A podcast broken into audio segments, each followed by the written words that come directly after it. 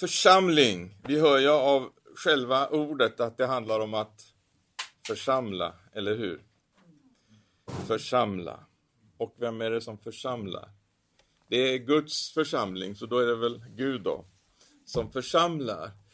Och vi kan läsa ifrån eh, Matteus, det elfte kapitlet, eh, så säger han så här, Jesus 11 och 28. Eh, det, det är ju Jesus som säger, jag ska bygga min församling och helvetets portar ska inte bli den övermäktig. När vi tänker på det där, vad Jesus säger, att han ska bygga sin församling och helvetets portar och så, så kan vi kanske få upp olika bilder och vi kanske tänker att eh, eh vi tänker på den här eh, andliga krigföringen och helvetets portar, alltihop det här. Men eh, nu sista dagarna när jag har tänkt på det, vad Jesus säger att han ska bygga sin församling, så har jag tänkt, vilka är det som finns där inne? i den där församlingen.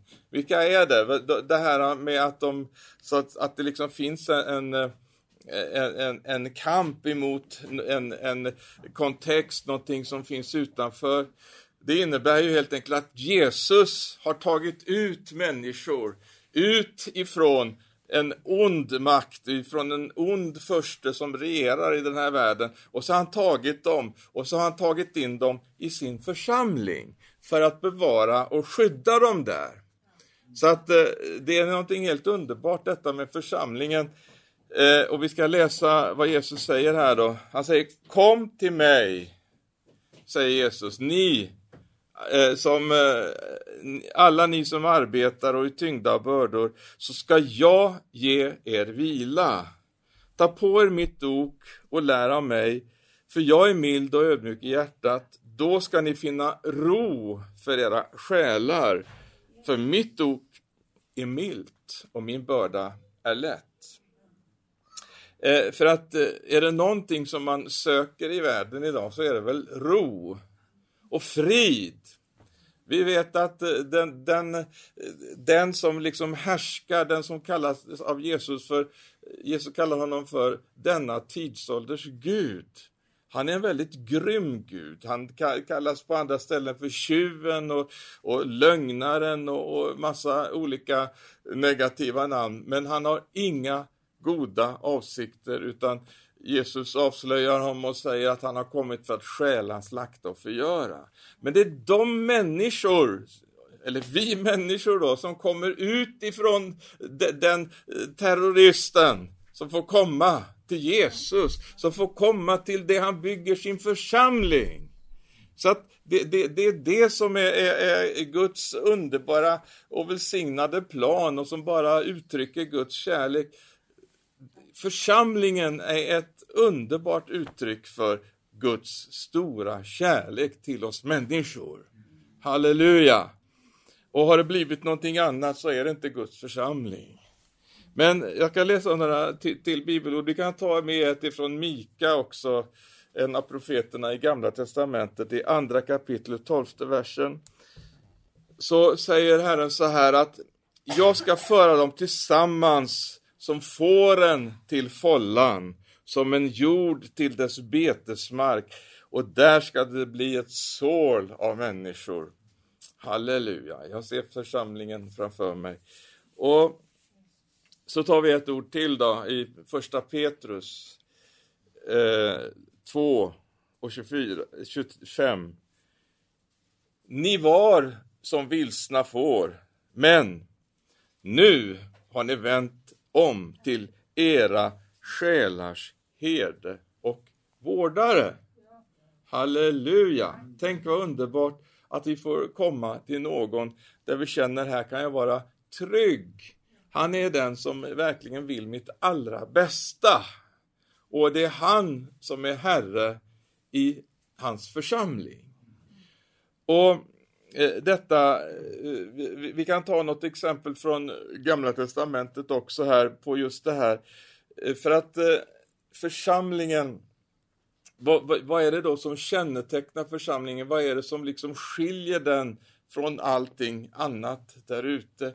Jo, det handlar om den här Guds närvaron? Jo visst, Gud är allestädes närvarande, men det finns en plats där hans eh, närvaro manifesterar sig på ett speciellt sätt i tiden och det är bland Guds folk, bland dem som så att säga eh, har, har har eh, blivit frälsta, de som har, har liksom tagits ut ur världen, de som har omvänt sig, de som har kommit till honom, halleluja, som vill oss allt gott.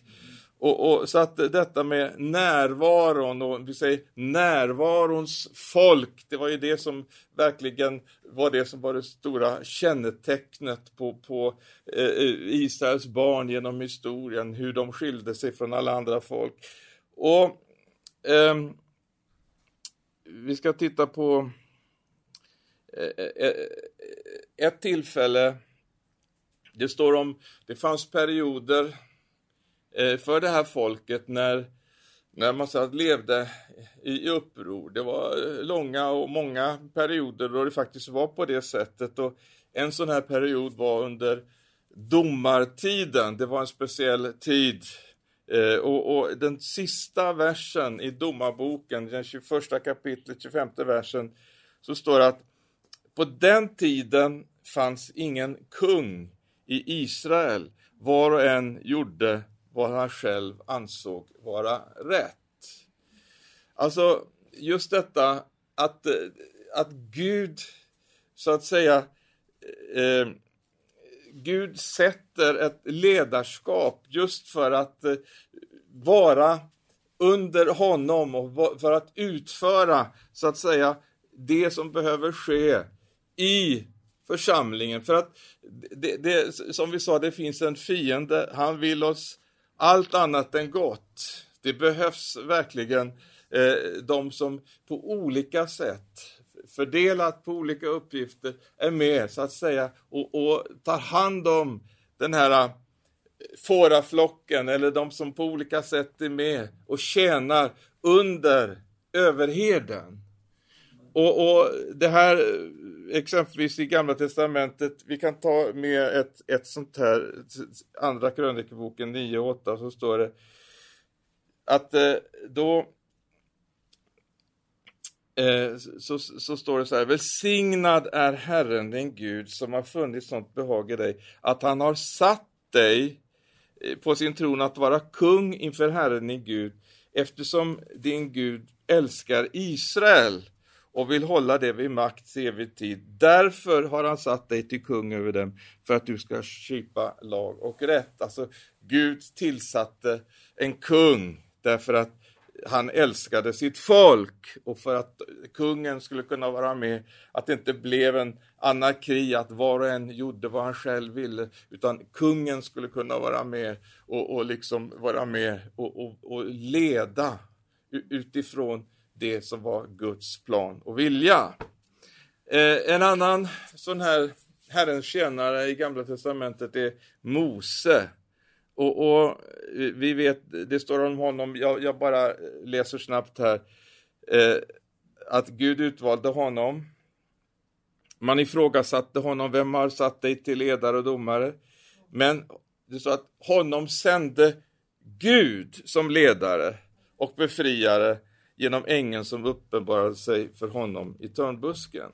Och Mose, när han då fick den här kallelsen, han eh, var så noga med detta att verkligen, det här var ingenting som, som var liksom Moses projekt. Det hade han aldrig klarat av, eh, det som det handlade om. Utan han var så noga just med detta att Gud verkligen var med i allt de skulle göra, i alla beslut, alla steg, allt de skulle ta, så var de så enormt beroende av att höra Gud, hur gör vi nu i den här situationen?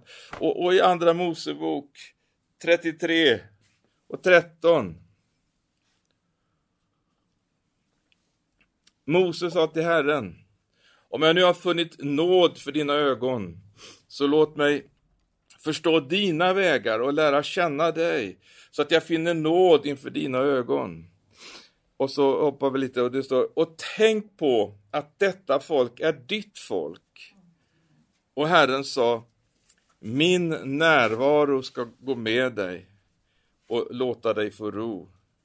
Och han svarar, om din närvaro inte går med så ska du alls inte låta oss dra upp härifrån. För hur ska man kunna veta att jag och ditt folk har funnit nåds för dina ögon om inte genom att du går med oss, så att jag och ditt folk utmärks bland alla andra folk på jorden.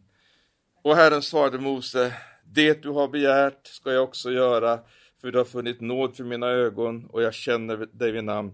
Och Mose sa, låt mig få se din härlighet. Och så vet vi att han fick göra det.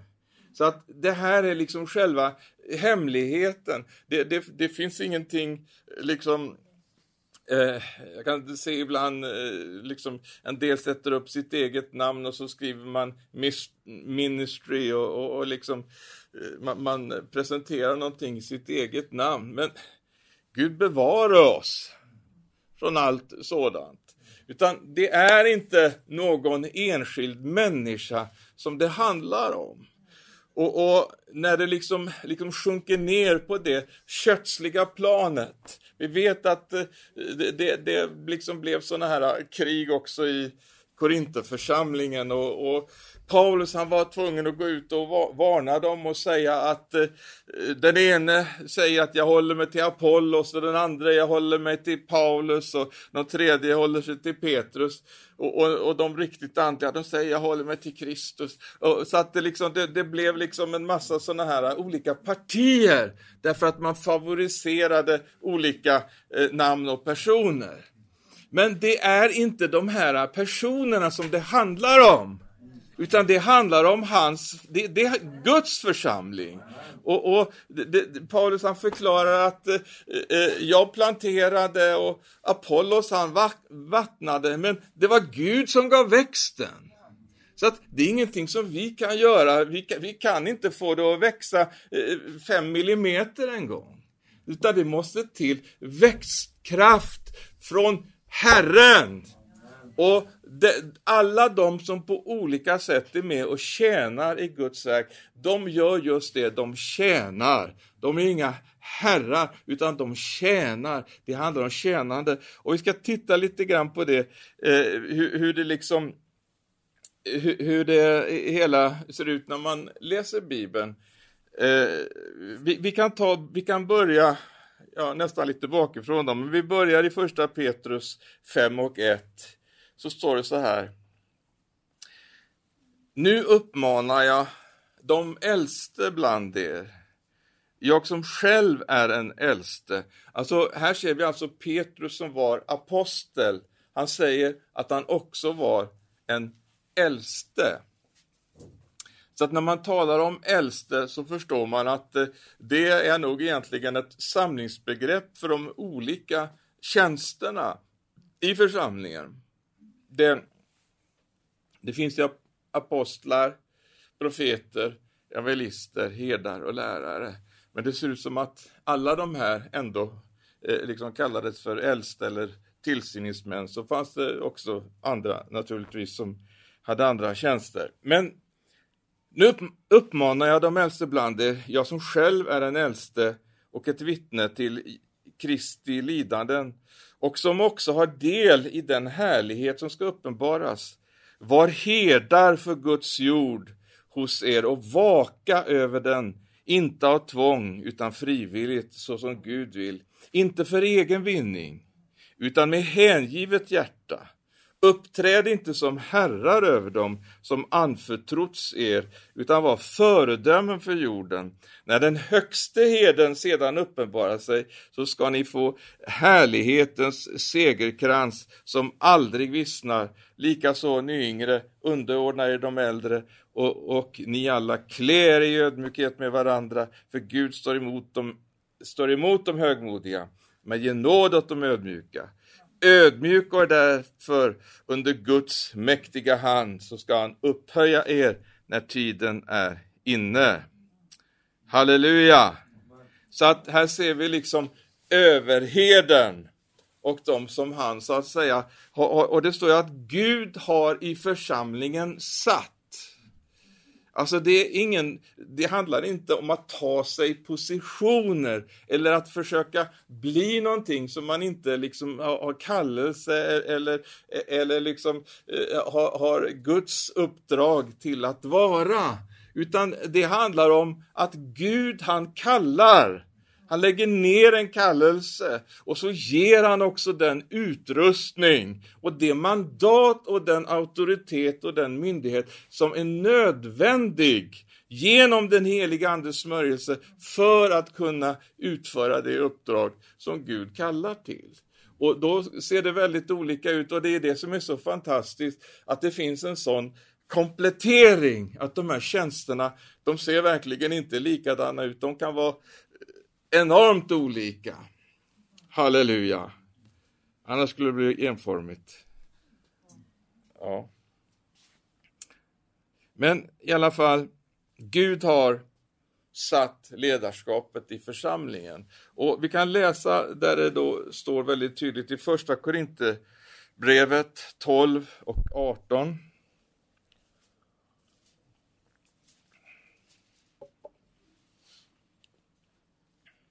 Så kan vi läsa där, eh, men nu har Gud satt samman delarna i kroppen, var och en av dem som han ville. 28 versen. Gud har i, i församlingen för det första satt några till apostlar, för det andra några till profeter, för det tredje några till lärare, sedan några till att göra kraftgärningar, andra till att få gåvor att bota sjuka, till att hjälpa, styra, tala olika slags tungomål. Alla är väl inte apostlar, alla är väl inte profeter, alla är väl inte lärare, alla gör väl inte kraftgärningar. Vi kan gå vidare till Fesebrevets fjärde kapitel och den elfte versen. Och då står det så här. Att han, vem då? Gud, gav. Gud gav. Gud är en god Gud som ger goda gåvor, eller hur? Han gav några till apostlar, andra till profeter, andra till evangelister och andra till hedrar och lärare. För att Halleluja, det finns också, eh, eh, i allt det Gud gör så finns det liksom en plan och en avsikt. Det är liksom inte, han vill att nu, ska det vara en massa eh, ja, gubbar och gummor som gör en massa saker, utan det finns en plan, halleluja! Gud han är strateg, han, han, han har mål i sikte när han gör någonting. När han kallar dig, när han kallar mig, när han kallar oss andra, så gör han det därför att han har en underbar plan. Vi får vara med i hans stora plan. Halleluja! Är du glad för det? Ja. Halleluja. Och då står det så här i Efesierbrevet 4 och 11. Och han gav några till apostlar, andra till profeter, andra till evangelister, andra till herdar och lärare för att utrusta de heliga. För att fullgöra sin tjänst att bygga upp Kristi kropp tills vi alla når fram till enheten i tron och i kunskapen om Guds son som en fullvuxen man med ett mått av mognad som motsvarar Kristi fullhet. Då är vi inte eh, längre barn som kastas hit och dit och dras med av vart vindkast i läran när människorna spelar sitt falska spel och listigt förleder till villfarelse. Nej, vi skulle då hålla fast vid sanningen i kärlek och på alla sätt växa upp till honom som är huvudet Kristus. Av honom fogas hela kroppen samman och hålls ihop genom det stöd som varje led ger och den, med den kraft som är fördelad åt var enskild del så får kroppen sin tillväxt och bygger upp sig själv i kärlek. Halleluja! Så att eh, Gud har en underbar plan med de här tjänsterna. Så att eh, en del säger, ja men eh, finns verkligen alla de här eh, tjänsterna idag? Var det inte bara för en speciell tid? Och detta med apostlar exempelvis, eh, det måste väl ändå vara slut på apostlar. Det, det var väl för då, så man talar inte om det femfaldiga eh, tjänst, utan det fyrfaldiga blir det väl då. Eh, men eh, jag, jag säger så här att det här målet som vi ser här, att tills vi alla når fram till enheten i tron och, och, att vi har nått den här, eh, att vi har blivit fullvuxna och alltihop det här, det känns inte som det riktigt är uppnått än. Va? Och varför skulle Gud helt plötsligt ta undan vissa tjänster innan han har nått målet? Det tror jag ingenting på. Hör vad jag säger, jag tror att det finns både apostlar apostlar, profeter, evangelister, herdar, lärare idag precis som det fanns då. På samma sätt som nådegåvorna också finns. En del läser första Korinthierbrevet 13 och säger att nådegåvorna ska upphöra eh, när det som är fullkomligt kommer. Ja, men har det fullkomliga kommit då? Jag tror inte det. Utan jag tror att vi fortfarande har en kamp för att nå det mål som Gud har satt upp. Därför behöver vi både tjänster, nådegåvor och allt som Gud har gett oss behöver vi. Och, och sannerligen, vi behöver det ännu mer i denna tid än det behövdes kanske på den tiden. Eh, när, när läget ser ut som det gör. Eh, nu är det ju så, och, och det får vi ju inte glömma, att det finns en skillnad det står ju om Jesus att han är vår bekännelses apostel. Och, och, och, och det är Jesus. Sen står det om de tolv, Lammets tolv apostlar. Det är också en speciell kategori som inte utökas, de är tolv. Även när man läser liksom i Uppenbarelseboken så står det att det är tolv apostlar. Så att det, det, har inte liksom utökats under tiden, utan de är en avgränsad grupp apostlar. Men så finns det apostlar som är med på olika sätt och grundlägger. Det är alltså det det handlar om. Men ordet apostel betyder egentligen utsänd. Och när vi sänder missionärer, så det kanske är apostlar som vi sänder iväg till andra eh, delar av världen för att vara med och grundlägga. Eller som, som är med på olika sätt och grundlägger Guds verk. Så att eh, nu har ni hört det. Det finns. Alla tjänsterna finns därför att Gud behöver dem. Och vi behöver dem. Ja. Men så, så kan vi läsa om, det står då i Filipperbrevet, det första kapitlet och första versen där, när Paulus då skriver till församlingarna så inleder han ofta med en hälsningsfras eh, som han exempelvis gör här i, i Filipperbrevet 1 och 1 då. Då är det från Paulus och Timoteus, Jesus, Kristi Jesus tjänare, till alla de heliga i Kristus Jesus som bor i Filippi tillsammans med, alltså de heliga som en grupp, men så finns det också några då som tillsammans med församlingsledarna och församlingstjänarna och du märker att det står i plural på båda ställena. Eh, och de här eh, begreppen då på grekiska församlingsledare så heter det episkopos och församlingstjänare diakonos. Och eh, där ser vi alltså, det är olika tjänster som det handlar om. Eh, i, I olika översättningar så står det tillsammans med eh, alltså äldste diakoner. Så att det är olika typer av tjänster. Och de behövs. Äldste, det var ingenting som man liksom tillsatte genom att göra val, att man valde äldste eh, på något demokratiskt sätt. Eh, utan Paulus, han fördelade uppgifterna, eh, han exempelvis sa till Titus, han var på Kreta och grundade församlingar och så sa Paulus till Titus, tillsätt äldste. Och, och på, då, på, så sätt blev det Paulus apostlarna, de tillsatte äldsta, äldste på de olika platserna där det grundades nya församlingar. Eh, däremot diakoner, det var någonting som man faktiskt valde eh, i församlingen. Det ser vi exempel på. Men eh, vi får återkomma till alla detaljer. Det finns väldigt, väldigt mycket att säga om ledarskap i församlingar och så, men det hinner vi inte dra på de här minuterna idag. Men det, det här bara ger någon slags konturer. eh, till det hela. Men jag vill ändå ta med det som Jesus säger om ledarskapet när han så att säga har sin, sin eh, lärjungaskola med sina lärjungar som, som han ju kallar apostlar. Eh, när han undervisar dem eh, om liksom eh, ja, han undervisar dem i Johannes eh, 13 och 4 kan vi läsa. Och då undervisar han genom att demonstrera, genom att ge ett exempel. Och det här är strax innan det att Jesus ska korsfästas. Så står det, Jesus reste sig från bordet och la av sig manteln och tog en linnehandduk som han knöt om sig. Sedan hällde han vatten i ett tvättfat och började tvätta lärjungarnas fötter och torka dem i handduken som han hade runt midjan.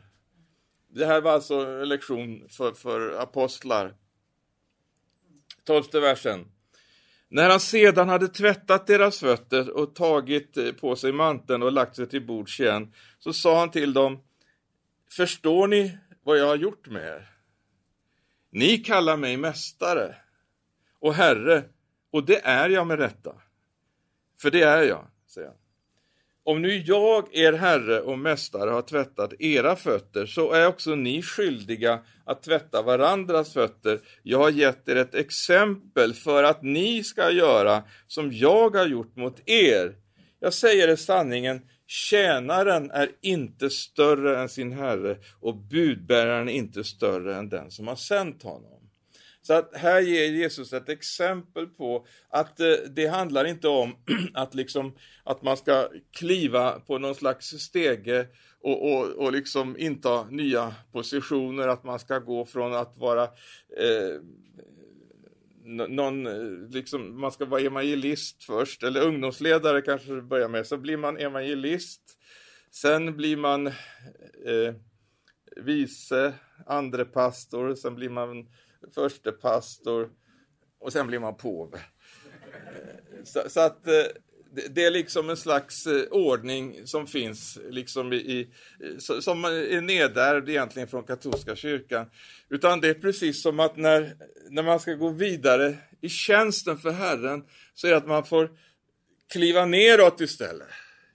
Inte stiga uppåt utan det, och, och Eh, Paulus han säger det att det verkar som att Herren har ställt oss eh, apostlar allra längst ner eller vad, hur han uttrycker det. Alltså med andra ord, det handlar om att eh, ödmjuka sig. Eh, Jesus, han säger också i Matteus, det 20 kapitlet, 25 versen.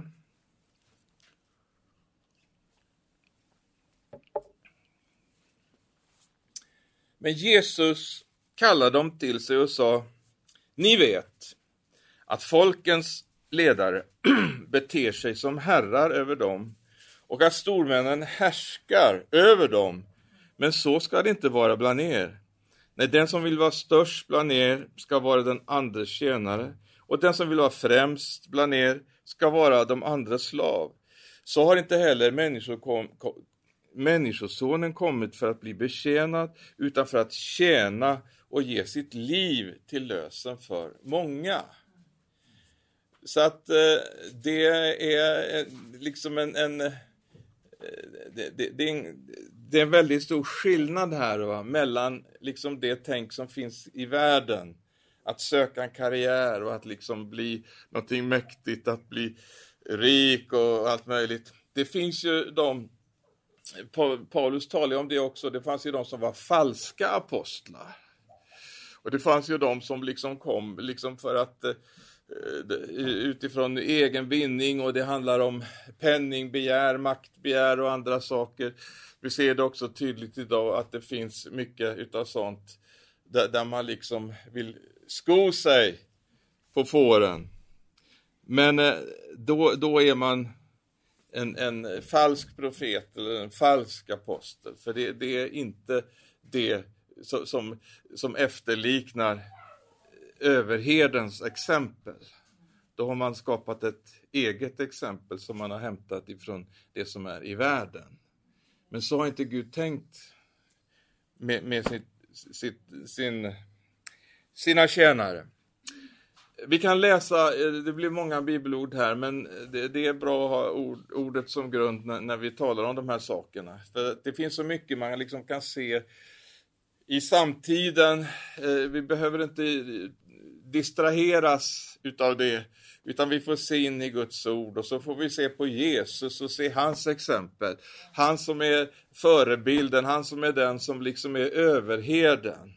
Och så får vi bara be om nåd att vi kan få följa honom och, och, och, och bara ödmjuka oss. För att det det, det är alla har vi ett kött att kämpa med, eller hur? Är det någon här som inte har det? Nej, ni verkar ha det allihop. I Titus, det första kapitlet, och ifrån den femte versen, så är det då Paulus som talar eh, till Titus som befinner sig på Kreta. Han har varit där, han har grundat församlingar. Halleluja, tänk vad fantastiskt att åka runt och grunda församlingar. Jag lämnade dig på Kreta för att du skulle ordna det som återstod och i varje stad insätta äldste efter mina instruktioner. En äldste ska vara fläckfri, en enda kvinnas man, ha troende barn som inte kan beskyllas för att vara vilda eller upproriska. Församlingsledaren ska som Guds förvaltare vara fläckfri. Han får inte vara självgod, inte häftig, inte missbruka vin, inte vara våldsam eller girig, utan gästfri, godhjärtad, förståndig, hederlig, gudfruktig och behärskad. Han ska hålla sig till lärans tillförlitliga ord så att han både kan uppmuntra med sund undervisning och tillrättavisa motståndarna. Det finns nämligen många upproriska pratmakare och bedragare, ja det ska alla veta, särskilt bland de omskurna. De måste man tysta munnen på, för de vänder upp och ner på hela familjer genom att för egen vinning lära ut sådant som de inte borde. Eh, så att här ser vi, vem kan bli äldste, vem kan bli församlingsföreståndare? Det är den stora frågan. Eh, men eh, Herren får ge nåd till dem som ska gå in i, i, i, och tjäna på det sättet. Eh, och eh, Nu ska jag också läsa ett stycke här som är lite längre. Och då är det så att Paulus, han eh, han var ju ute och reste, han gjorde sina missionsresor som ni vet. Och eh, då var han eh, eh, någonstans där i, borta i mindre Asien någonstans och så skickade han bud till de äldste i Efesus. Jag vet inte hur de skickade bud, de hade ju inga sms på den tiden men de kanske hade någon som, ja det, det blir en annan predikan. Eh, men i alla fall, ifrån den 17 versen i eh, 20 kapitlet i Apostlagärningarna så läser vi. Från Miletus skickade han bud till Efesus och kallade till sig församlingens äldste. När de var framme hos honom sa han till dem Ni vet hur jag har levt hos er hela tiden från första dagen jag kom till Asien. Jag har tjänat Herren i all ödmjukhet under tårar och prövningar som eh, mötte mig genom judarnas intriger. Jag har inte hållit tillbaka något som kunde vara till nytta för er, utan jag har predikat och undervisat offentligt och i hemmen och vittnat för både judar och greker om omvändelsen till Gud och tron på vår Herre Jesus Kristus. Eh, och så säger han vidare, men jag anser inte mitt liv vara något vara värt något för mig själv, bara jag får fullborda mitt lopp och den uppgift jag fått av Herren Jesus att vittna om Guds nåds evangelium. Och i 27 versen. Jag har inte tvekat att förkunna för er hela Guds vilja och plan. Ge akt på er själva och, och det här är då de här speciella orden som han riktar speciellt till de här eh, äldste här. Ge akt på er själva och hela den jord som den helige ande, den helige ande har satt er som ledare. Den helige ande är det som, som tillsätter ledarskap till att vara herdar för Guds församling som han har köpt med sitt eget blod. Jag vet att när jag lämnat er ska rovlystna vargar tränga in bland er, och de kommer inte att skona jorden. Ja, bland er själva ska män träda fram som förvränger sanningen för att dra över lär, lärjungarna på sin sida. Var därför vakna och kom ihåg att jag i tre års tid, natt och dag, aldrig har slutat förmana var och en av er under tårar. Alltså här ser vi liksom hur Paulus, alltså trefaldigt, offentligt, i hemmen, var och en särskilt. Han var så angelägen om att ingen enda skulle behöva gå förlorad. För han visste att det fanns sådana rolystna vargar som ville liksom till varje pris dra bort ifrån fåraflocken. Men nu överlämnar jag er åt Gud och hans nåderika ord som har makt att bygga upp er och ge er arvet bland alla som helgats. Silver och guld och, eller kläder har jag inte begärt av någon. Ni vet själva att dessa händer har sörjt för mina egna och mina följeslagares behov. I allt har jag visat er att man så ska arbeta och ta hand om de svaga och komma ihåg de ord som Herren Jesus själv har sagt. Det är saligare att ge än att ta. Så att Paulus han framhåller också sitt exempel på de här områdena för de som så att säga var ledare där i, i eh, Efesus. Men eh, vi, vi, ser också, vi har läst om hur Jesus talade och, och liksom vilket exempel som han gav om ödmjukhet. Eh, samtidigt är det väldigt viktigt då att veta hur man ska förhålla sig till ett eh, ledarskap i Guds församling. Det finns också i Guds ord och vi kan läsa om det i första Timoteus 5 och 17.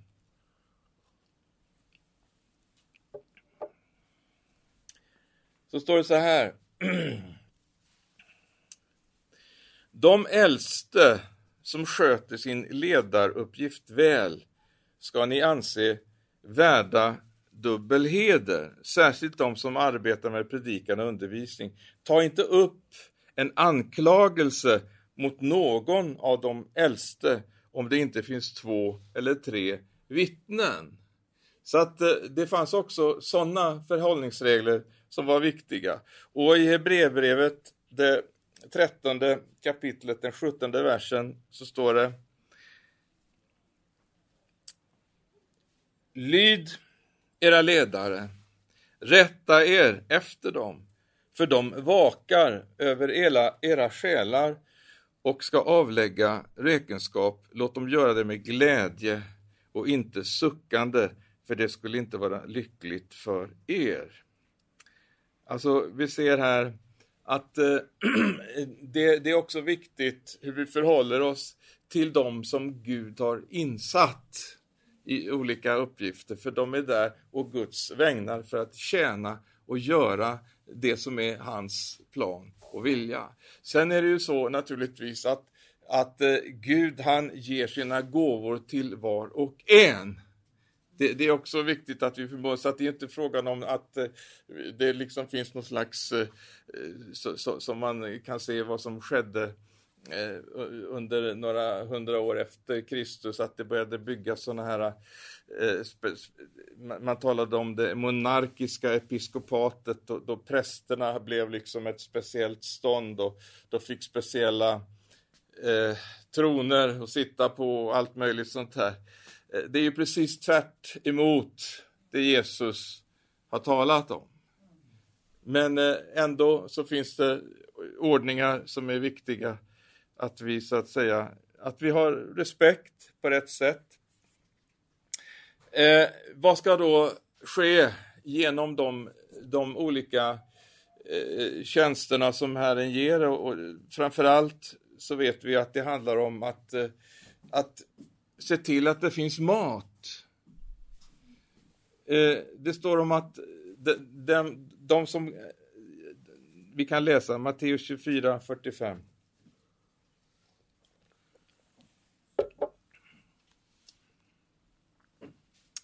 Så står det att vem är den trogne och kloke tjänare vars herre har satt honom över sina andra tjänare för att ge dem mat i rätt tid. Salig är den tjänaren när hans herre kommer och finner att han gör så. Jag säger det sanningen, han ska sätta honom överallt han äger. Så att det handlar om att ge mat i rätt tid. Det finns ju också ett annat skrämmande exempel i det här eh, sammanhanget som Jesus ger efter här om att de som inte gjorde så och hur allvarligt det var. Och så, så handlar det om att så att säga som det som då Paulus säger till de här äldste i Efesus, att eh, det, det, det finns vargar, det finns de, till och med de som kommer, försöker liksom att komma in och tala det som är förvänt. Det finns sådana vackra bilder på församlingen på många olika ställen. Bland annat så finns det en bild som eh, eh används som handlar om vingården. Om hur, hur Herren byggde en vingård och han tillsatte olika tjänare och mitt i vingården så ställde han ett vakttorn. Och det där vakttornen, där skulle det liksom ske, eh, eh, man skulle vaka över och kunna se. Man såg lite längre, man såg omgivningarna runt omkring, utanför liksom eh, vingårdens staket. Man såg om det fanns några rovdjur som höll på att söka sig in mot eh, vingården eller någonting annat främmande som, som skulle komma. Eh, så att eh, det är viktigt med de olika tjänsterna, att Herren verkligen får resa upp och, och det ber vi verkligen om. Vi vill se många som kommer in och, i sin kallelse och det som Herren har utvalt var och en till, att liksom gå in i olika tjänster, att på olika sätt kunna vara med och komplettera för att det liksom ska bli den här mångfalden och, och att det mål som Gud har satt upp för församlingen, att vi får växa upp till, till, till fullkom, att bli fullkomliga i Kristus. Vi känner eh, nog allesammans att vi har en bit kvar. Men eh, halleluja, det finns nåd också. Om vi bara så att säga sträcker oss framåt och har den här längtan. Jesus, utför ditt verk i oss. Och kom till oss som församling, rösta oss Herre. Gör det med oss som du har tänkt. Låt oss få vara den där platsen som, eh, som, som, eh, som får bli Eh, den här oasen för alla de här människorna som finns där ute som lider under denne tjuv, denne som har kommit för att stjäla, slakta och förgöra. Att eh, det får bli en plats dit människor får komma in och ta skydd ifrån honom, att bli fria ifrån allt det som han har försökt att binda och fånga med och kunna så att säga uppleva att man får börja leva igen. Man får ett nytt liv. Halleluja, det är det Gud har tänkt med sin församling. Och därför så, eh, eh, så tillsätter han olika, som på olika sätt får vara med, så att säga, och utföra hans verk som tjänare. Halleluja! För att Kristi kropp ska kunna byggas upp, och för att eh, det ska finnas mat, för att Guds ord ska kunna serveras, för att eh, vakthållningen ska eh, hållas, för att det ska ske uppmuntran, men också förmaning och, och, och tillrättavisning. Allt måste liksom finnas där för att vi inte ska gå vilse och gå fel. Halleluja, vilken nåd att Gud har gett oss församlingen och att han har gett oss nådegåvor, att han har gett oss olika tjänster. Allt sammans det här är bara Guds nåd och kärlek därför att han vill inte att någon enda ska gå förlorad utan han vill, i församlingen så vill han församla Halleluja, han församlar oss för ett mål och snart så ska vi så att säga nå fullkomningen och då ska vi också i evighet få vara tillsammans med honom. Halleluja, så att han har en underbar plan för oss. Så att eh, eh, under den här tiden så kanske man kan sätta upp den här skylten under construction. Alltså det är någonting som håller på att byggas. Det är inte, det är inte färdigt än, men, men Gud vi, vi, vi, vi, ställer oss till förfogande, vi låter Gud få utföra verket. Vi tjänar varandra med de gåvor och de tjänster som vi har för att liksom vara i Guds strategi och Guds plan och vara med och fullborda det som är hans plan för våra och för allas våra liv. Halleluja. Det är väl underbart? Tänk att Gud har en sån plan för oss.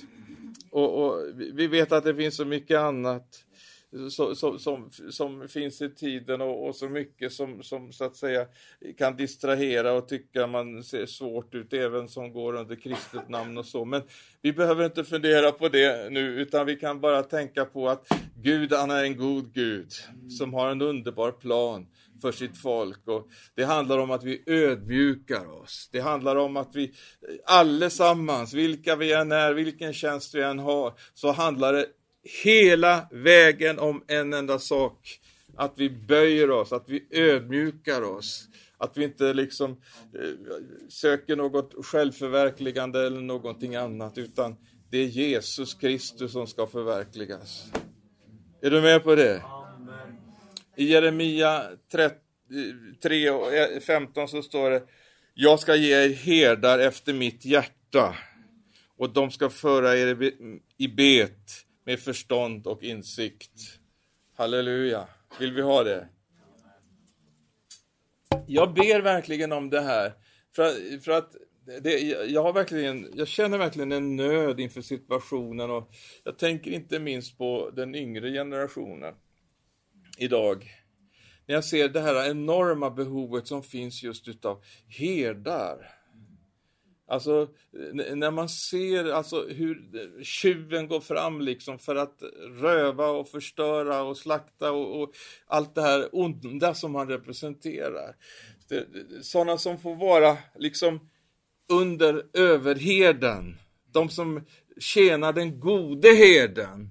De som liksom har fått hans hjärta för att tjäna på, på, på hans sätt genom att eh, ge ut sig själva som han gjorde. Halleluja, jag ber om det och jag tror att vi ska få se det. De som är orädda, de som verkligen satsar sig själva för att vara med och vinna och dra in, att församla Församla in i fårahuset. Församla de vilsegångna fåren. För, samla in dem, halleluja, i, i Guds stora underbara familj, i hans församling. Herren vill rusta. I den här sena tiden vill han rusta. Och jag, jag ber speciellt om en ung generation som kan vara med och, och möta sina jämnåriga.